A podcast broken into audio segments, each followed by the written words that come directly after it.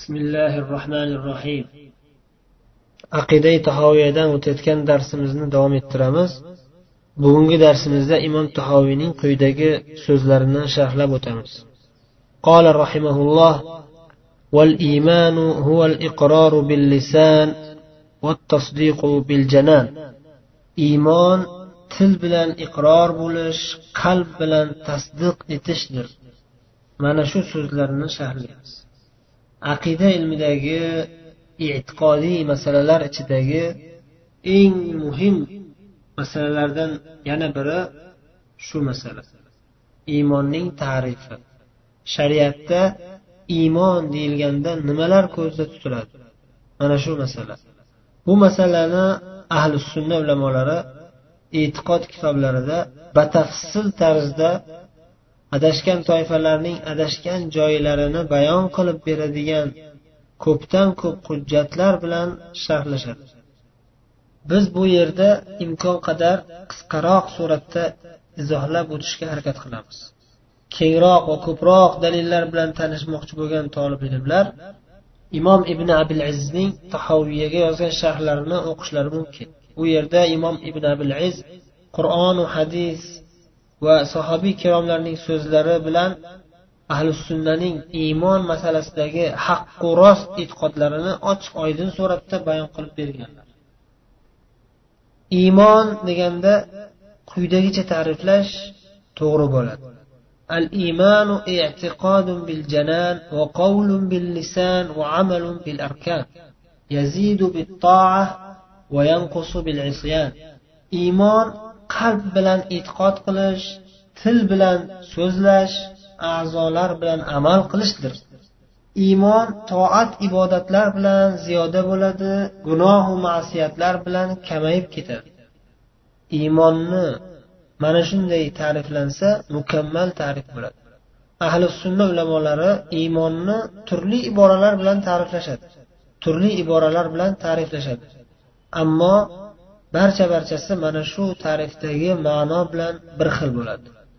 Misol uchun salaf solihlarning juda ko'plaridan quyidagi rivoyat sobit bo'lgan.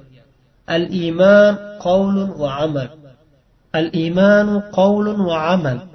Yazidu va yanqus. Iymon so'z va amaldir.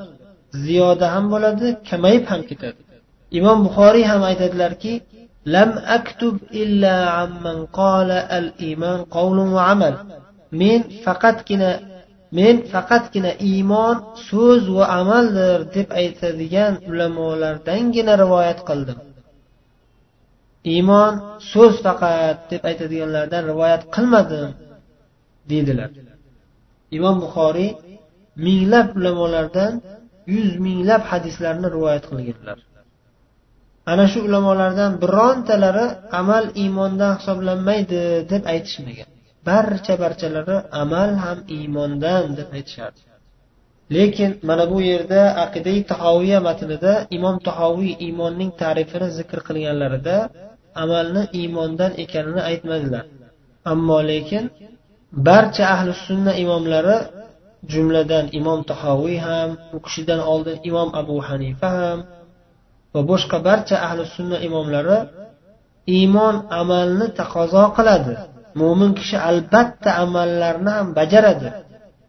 Farzu vojib amallarni bajarmagan odam men mo'minman desa ham qiyomatda baribir azobu uqubatga mustahiq loyiq kimsa bo'ladi. Qalbida iymoni bo'lgan bo'lsayu amallarni bajarmagan bo'lsa do'zaxga tushib o'ziga yarasha jazosini olishi xatari mavjud. Ya'ni farz vojib amallarni tark qilib harom ishlarni qilib qo'yadigan bo'lsa bu ketishda borib borib iymonidan butunlay ayrilib ham ketishi mumkin. Shayton tinch qo'ymaydi kufrga qarab shirkka qarab tortaveradi. To mushrik kofir qilmaguncha tinch qo'ymaydi insonni. Mana shu gunoh masiyatlarga kiritib farz vojib amallarni tark qilishga chaqirib tortib ketadi. Olloh asrasin. Mana shunday deyishadi. Faqat bu yerda bir muhim nuqta bor. U ham bo'lsa ahli sunna ulamolarining aksariyatlari bilan hanafiy mazhab ulamolari o'rtalaridagi asosiy ixtilof amalni ham iymon deb nomlanadimi yoki iymon deb nomlanmaydimi degan masalada. Shu masalada bizning hanafiy mazhab ulamolari jumhur ulamolariga ahli sunna va jamoaning jumhur ulamolariga muxolif bo'lishgan. Biz doimo takrorlab kelamizki bizning rahbarimiz alloh va rasuli allohning kitobi qur'oni karim rasululloh sollallohu alayhi vasallamning sunnatlari hadisi shariflar bizning rahbarimiz. Har bir masalada biz qur'on hadisga murojaat qilishimiz kerak. Albatta ulamolarning sharhlariga binoan shu masalada ham haqiqat qayerdaligini bilish uchun qur'on va sunnatga murojaat qiladigan bo'lsak va qur'on va sunnatning dalillariga nisbatan hanafiy ulamolar bilan jumhur ulamolarning sharhlarini bir biriga solishtirib ko'radigan bo'lsak haqiqat jumhur ulamolarning so'zlarida ekanligi ochiq oydin suratda bayon bo'ladi. Shuning uchun biz qat'iy tarzda aytamizki amallar iymondan amallar ham iymon deb qat'iy aytamiz. Ya'ni islom dini buyurgan va targ'ib qilgan amallar iymondan islom dini harom deb aytgan harom qilgan tark qilishga buyurgan amallarni tark qilishlik iymondan deb aytamiz. Bu e'tiqodimizga qur'on hadislardan ahli sunna ulamolarining jumhurlaridan aksariyatlaridan son sanoqsiz hujjatlar bor. U hujjatlarning aksariyati bilan tanishib chiqaman degan tolib ilm mutavval mufassal e'tiqod kitoblarini o'qishi lozim. Biz esa bu yerda ba'zi dalillarni zikr qilish bilan cheklanamiz. Agar biz ham batafsil bayon qilamiz desak darsimiz bir necha soatlarga cho'zilib ketib qoladi. Amallar ham iymondan deb nomlanishiga dalillardan biri qur'oni karimda alloh taolo namozni iymon deb nomlaganligi. Baqara surasining bir yuz qirq uchinchi oyatida alloh taolo sizlarni iymonlaringizni zoya qilmaydi ya'ni namozingizni zoya qilmaydi deb nozil qilgan oyat.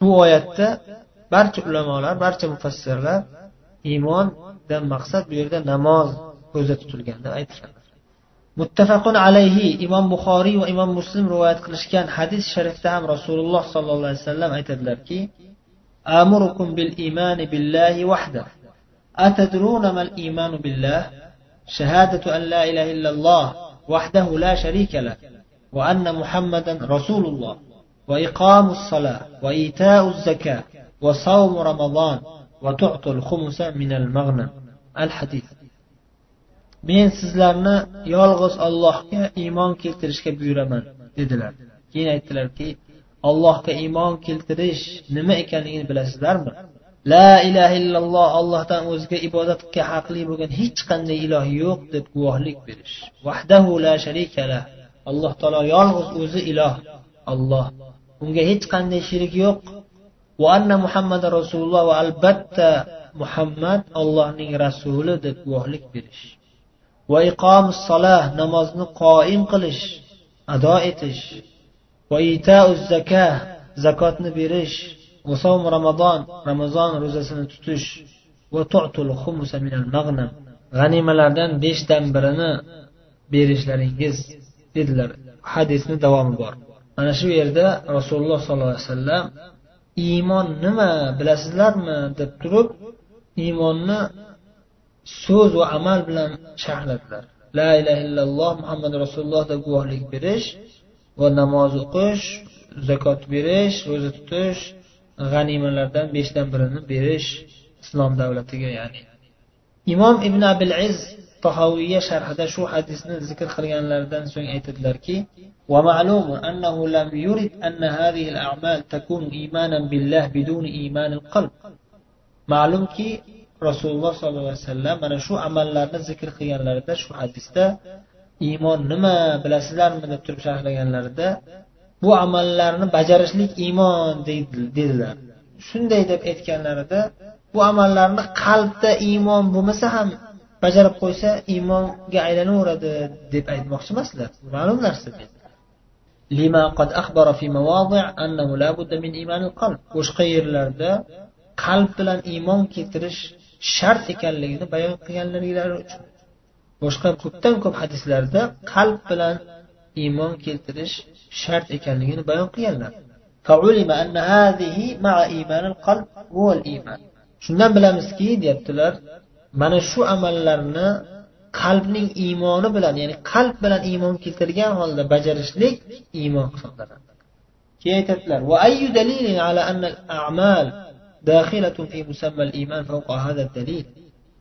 iymon deb aytilganda amallar ham iymonga kirishligi ya'ni iymondan hisoblanishligiga mana bu dalildan ko'ra kuchliroq yana qanaqa dalil bo'lishi mumkin? Qanaqa dalil kerak bo'lishi mumkin?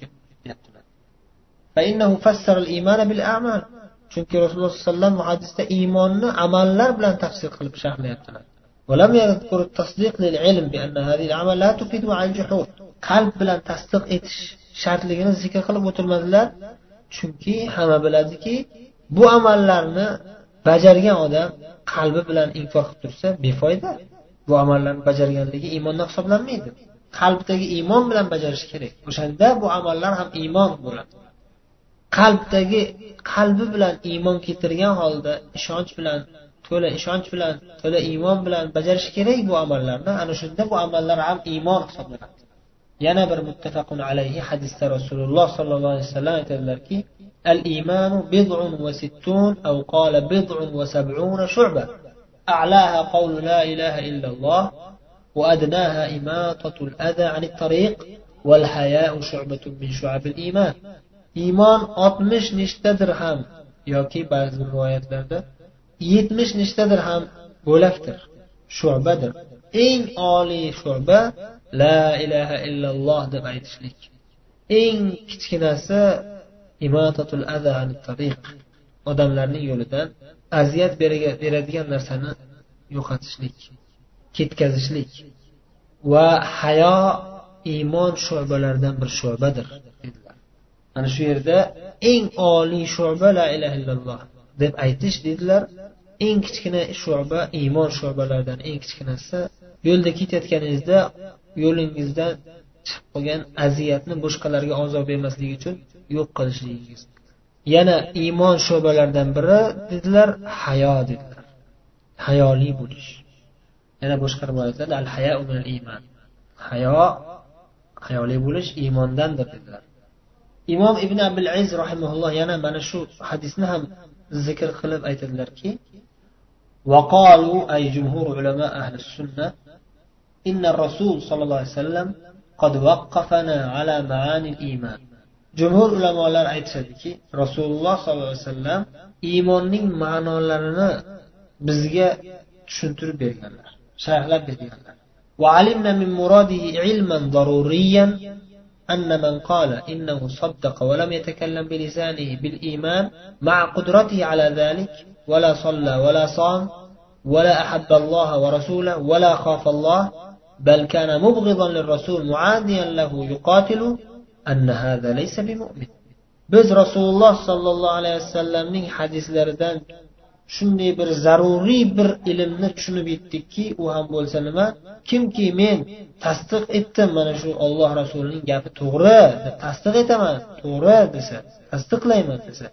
Lekin tili bilan iymonni so'zlab gapirmasa ya'ni la ilaha illalloh muhammad rasululloh deb guvohlik bermasa tili bilan baqudrati ala zalik shu narsaga qodir bo'lib turib shunday deb guvohlik bermasa tili bilan va amalidan namoz o'qimasa ro'za ham tutmasa va qalb amallaridan masalan ollohni yaxshi ko'rmasa rasulullohni yaxshi ko'rmasa to'g'ri gap bu gap aytayotgan gap to'g'ri desayu lekin qalbi bilan yaxshi ko'rmasa olloh rasulini yaxshi ko'rmasa ollohdan qo'rqmasa balkana balki shunday bo'lsaki rasul rasulni yomon ko'radigan bo'lsa rasulga qarshi dushmanligini ham e'lon qilsa rasulga qarshi islom diniga qarshi jang qilsa man to'g'ri haqiqat so'zlar bular deb to'g'ri deb tursayu tasdiqlab tursayu qalbi bilan lekin baribir shunga qarshi urushaversa bu mo'min odam mo'min asli كما علمنا أنه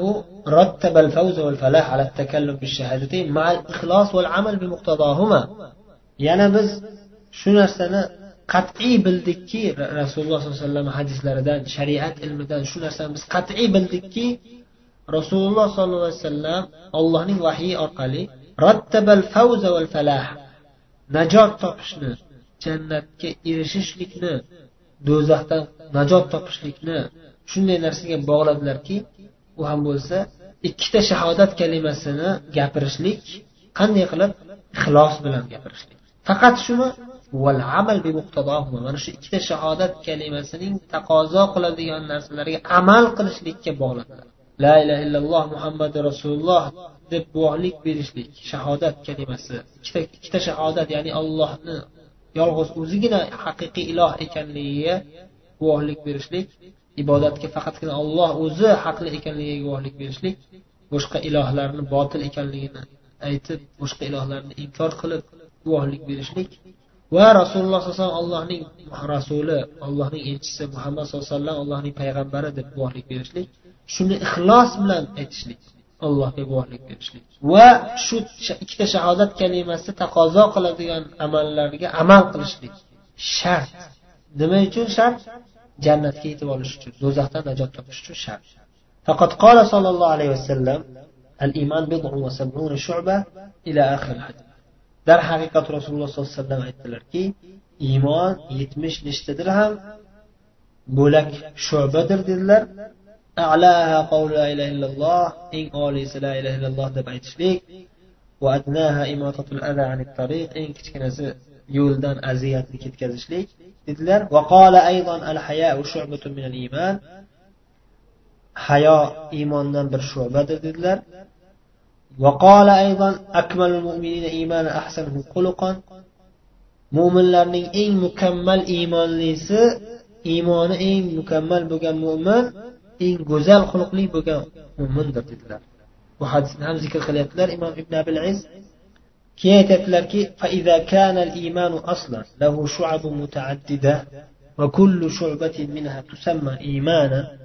shunday qilib iymon katta bir asos bo'lib uning bir necha bir qancha shubalari bo'laklari bo'ladi. Ana shu shubalardan ana shu bo'laklardan har biri iymon deb nomlanadi. فالصلاة من الإيمان. نماز إيمان دا. وكذلك الزكاة والصوم والحج. وخد شنينك زكاة هم روزة هم حج هم. والأعمال الباطنة مخفي أمل لرهم كالحياء والتوكل والخشية. حيالي بلش توكل الله ك يلغز الله كتوكل قليش والخشية من الله فقط الله تنجن قرقش. والإنابة إليه الله كتوبة قلب الله كقيتش. حتى تنتهي هذه الشعب إلى إماطة الأذى عن الطريق ana shu shu'balarning hammasi oxiri borib eng kichkina shu'baga borib taqalguncha yo'ldan aziyatni ketkazishlik shu'basiga borib taqalguncha hammasi iymon shu'balaridan فإنه من شعب الإيمان من الشعب إيمان شعب الأردان وهذه الشعب منها ما يزول الإيمان بزوالها إجماعا كشعبة الشهادتين Bu shu'balar bu bo'laklar shundayki ba'zilari ketib qolsa ba'zi bir shu'balar ketib qolsa iymonni butunlay yo'q qilib yuboradigan bo'ladi. Ikkita shahodatga guvohlik berish sho'basi. Agar la illaha illalloh muhammad rasululloh eng katta asosiy sho'baga iymon keltirmasa hech birov tili bilan aytmasa qalbi bilan iymon keltirmasa iymon butunlay yo'q bo'ladi. ومنها ما لا يزول بزوالها كترك إماطة الأذى عن الطريق. mana yana iymon sho'balaridan shunday sho'balari bo'ladiki u sho'bani bajarmagan odamning iymoni butunlay ketib qolmaydi. Masalan yo'ldagi aziyat beradigan narsani ketkazmaslik chetga surib tashlamaslik yo'q qilmaslik. Yo'ldan aziyat beradigan narsa tikonmi chayonmi chiqib qolsa indamasdan ketaversa yo'q qilmasdan shu aziyatni bu odam iymoni ketdi yo'qoldi emas. Kichkina bir sho'basi ketdi lekin iymon butunlay yo'qolgan yo'q deymiz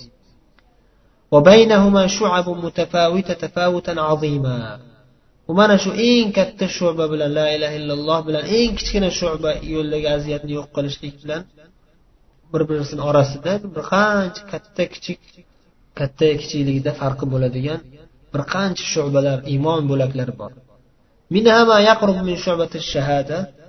bu shu'balarni ichida shahodat kalimasiga yaqinlashib o'shanga o'xshagan katta bir shu'ba katta bo'lak hisoblanadigan shu'balar bor va aziyatni ketkazish shu'basiga o'xshagan kichkinaroq shu'balar ham bor كما أن شعب الإيمان إيمان هكذا شعب الكفر كفر iymon shu'balari iymon hisoblanganidek kufr bo'laklari ham kufr hisoblanadi. Masalan iymon. Alloh nozil qilgan hukm bilan hukm chiqarishlik iymondan masalan. Iymon sho'balari.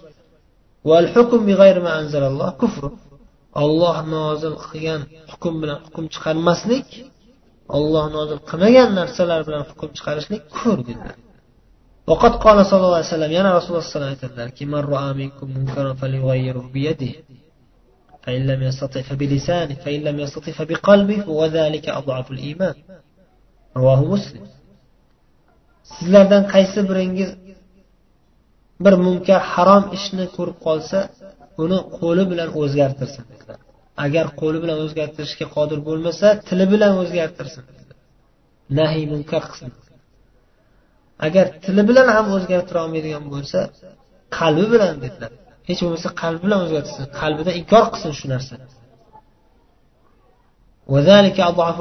mana shu iymonning eng zaifi dedilar ya'ni hech bo'lmaganda qalb bilan o'zgartirib qo'yishlik iymonni zaif munkar ishni inkor qilishga shijoat qilolmasa demak iymoni zaif ekan bu odam. Bu nuqtadan keyin bu darajadan keyin iymondan biron bir habbat habbat xardalchalik ham bir kichkina zarracha ham iymon qolmaydi dedilar. Ya'ni qalbi bilan ham inkor qilmasa bir munkar ishni qalbida inkor qilmasa hech bo'lmasa deganda qalbida shuni munkar deb aytmasa bundan keyin iymondan hech narsa qolmaydi.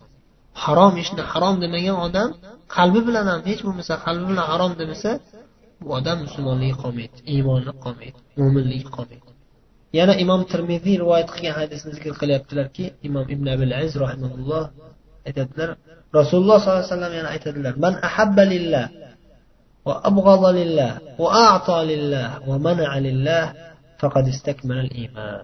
Kimki olloh uchun yaxshi ko'rsa olloh uchun yomon ko'rsa ya'ni yomon ko'riladigan narsalarni yoki shaxslarni yomon ko'rishda faqat olloh uchun yomon ko'rsa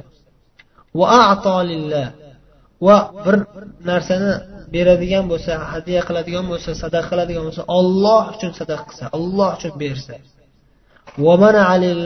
Faqatgina olloh uchun bir narsani man qilsa. Ya'ni man qilish kerak bo'lgan narsalarni olloh uchun man qilsa. Darhaqiqat bu odam iymonini mukammal qilibdi. Mukammal iymonga yetishibdi dedi.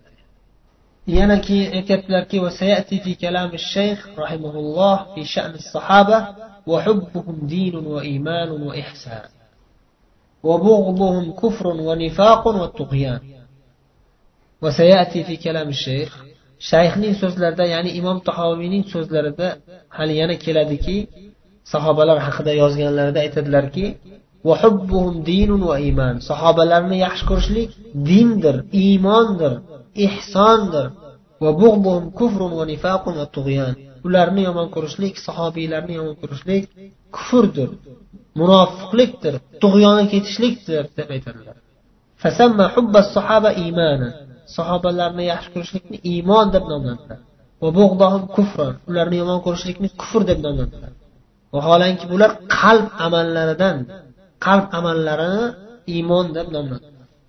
Demak iymon deyilganda qalb e'tiqodi va amali til bilan zikr qilish va so'zlash a'zolar bilan amal qilish ham kiradi.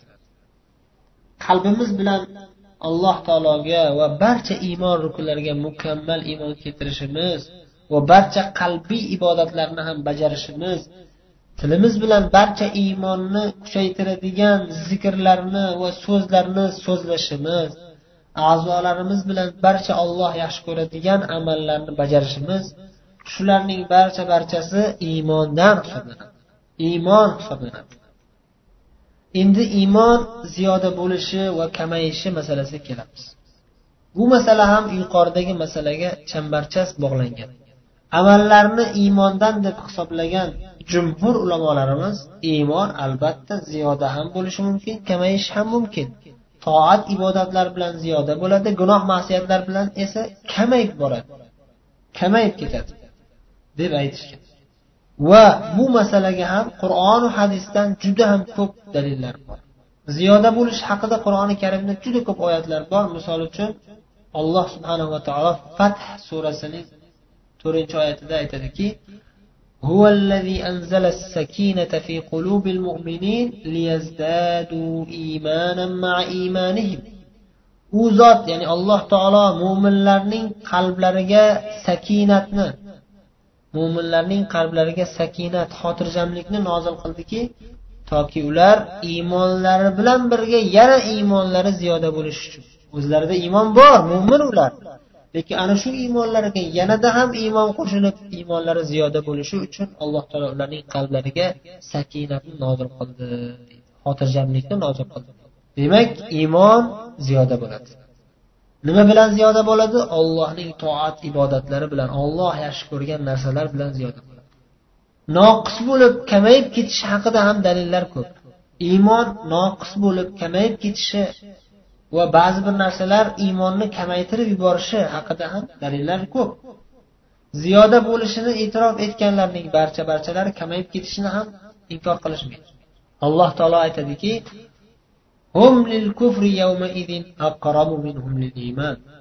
o'sha kuni ular iymondan ko'ra kufrga yaqinroq edilar deb alloh taolo munofiqlarni iymoni zaiflarni tasvirlagan. Munofiqlar iymoni zaiflar haqida xabar bergan. Uhud jangida qatnashishdan qo'rqib rasululloh sollallohu alayhi vasallam bilan birga jangga chiqishdan qo'rqib uylariga qaytib ketgan odamlarni alloh taolo mana shunday sifatlagan.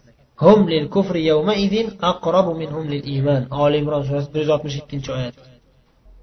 O'sha kuni ular iymondan ko'ra kufrga yaqinroq edilar dedi. yana tavba surasining bir yuz yigirma to'rtinchi bir yuz yigirma beshinchi oyatlarida alloh taolo aytadiki وإذا ما أنزلت سورة فمنهم من يقول أيكم زادته هذه إيمانا فأما الذين آمنوا فزادتهم إيمانا وهم يستبشرون وأما الذين في قلوبهم مرض فزادتهم رجسا إلى رجسهم وماتوا وهم كافرون qachonki biron sura nozil qilinsa ulardan ya'ni munofiqlardan bo'lgan kimsalar masxara qilishib qani bu sura qaysi birlaringizning iymonlaringizni ziyoda qildi deb aytishadi. Bas u sura iymon keltirgan zotlarning iymonlarini albatta ziyoda qildi va ular shodu xurram bo'lurlar. Va ular xursand bo'lurlar.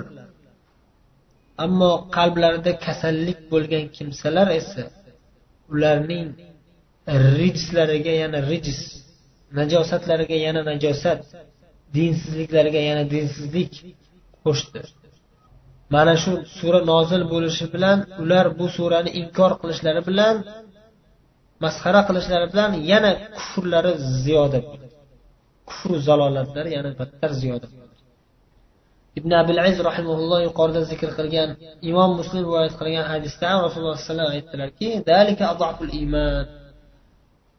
ana shu iymonning eng zaifidir deb munkar ishni ko'rib tili bilan ham qo'li bilan ham inkor qilolmasa qalbida inkor qilib qo'yish bilangina kifoyalansa mana shu iymonning eng zaifi deb aytdilar.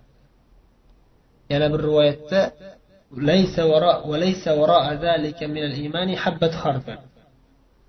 bundan keyin ya'ni qalbi bilan ham inkor qilmasa undan keyin iymon qolmaydi dedilar. Zarracha iymon qolmaydi. Yana boshqa hadisda ayollarni aqli va dini noqisligini ham xabar berganlar. Yana qiyomat kunida bo'ladigan shafoatlar haqidagi hadis shariflardan ham iymon ziyoda bo'lishi va kamayishi haqiqat ekani ayon bo'ladi. Chunki shafoat hadislarida keladiki hamma shafoat qiluvchilar shafoat qilib do'zaxdan qutqaradiganlarni qutqarib jannatga kiritilgandan keyin eng oxirida alloh taolo aytadiki payg'ambarlar shafoat qildi maloikalar shafoat qildi shahidlar siddiqlar shahidlar shafoat qildi.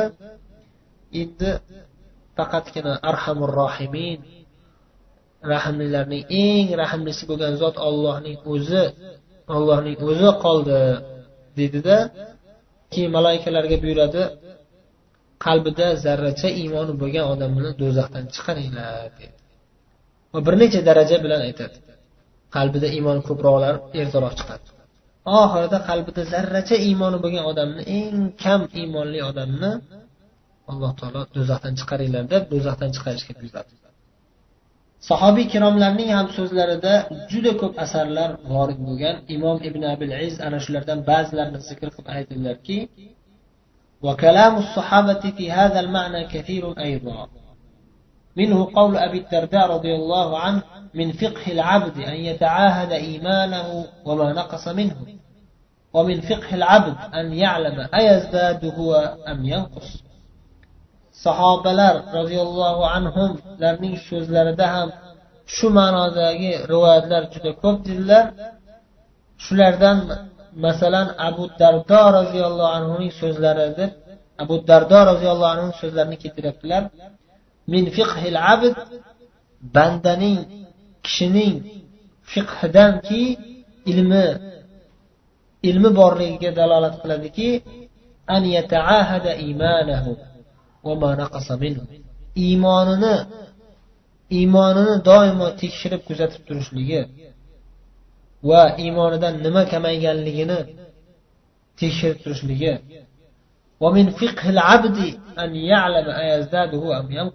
iymoni ziyoda bo'lib ko'payib kuchayib boryaptimi yoki kamayib noqis bo'lib boryaptimi shuni bilishligi ham kishining ilmi borligiga dalolat qiladi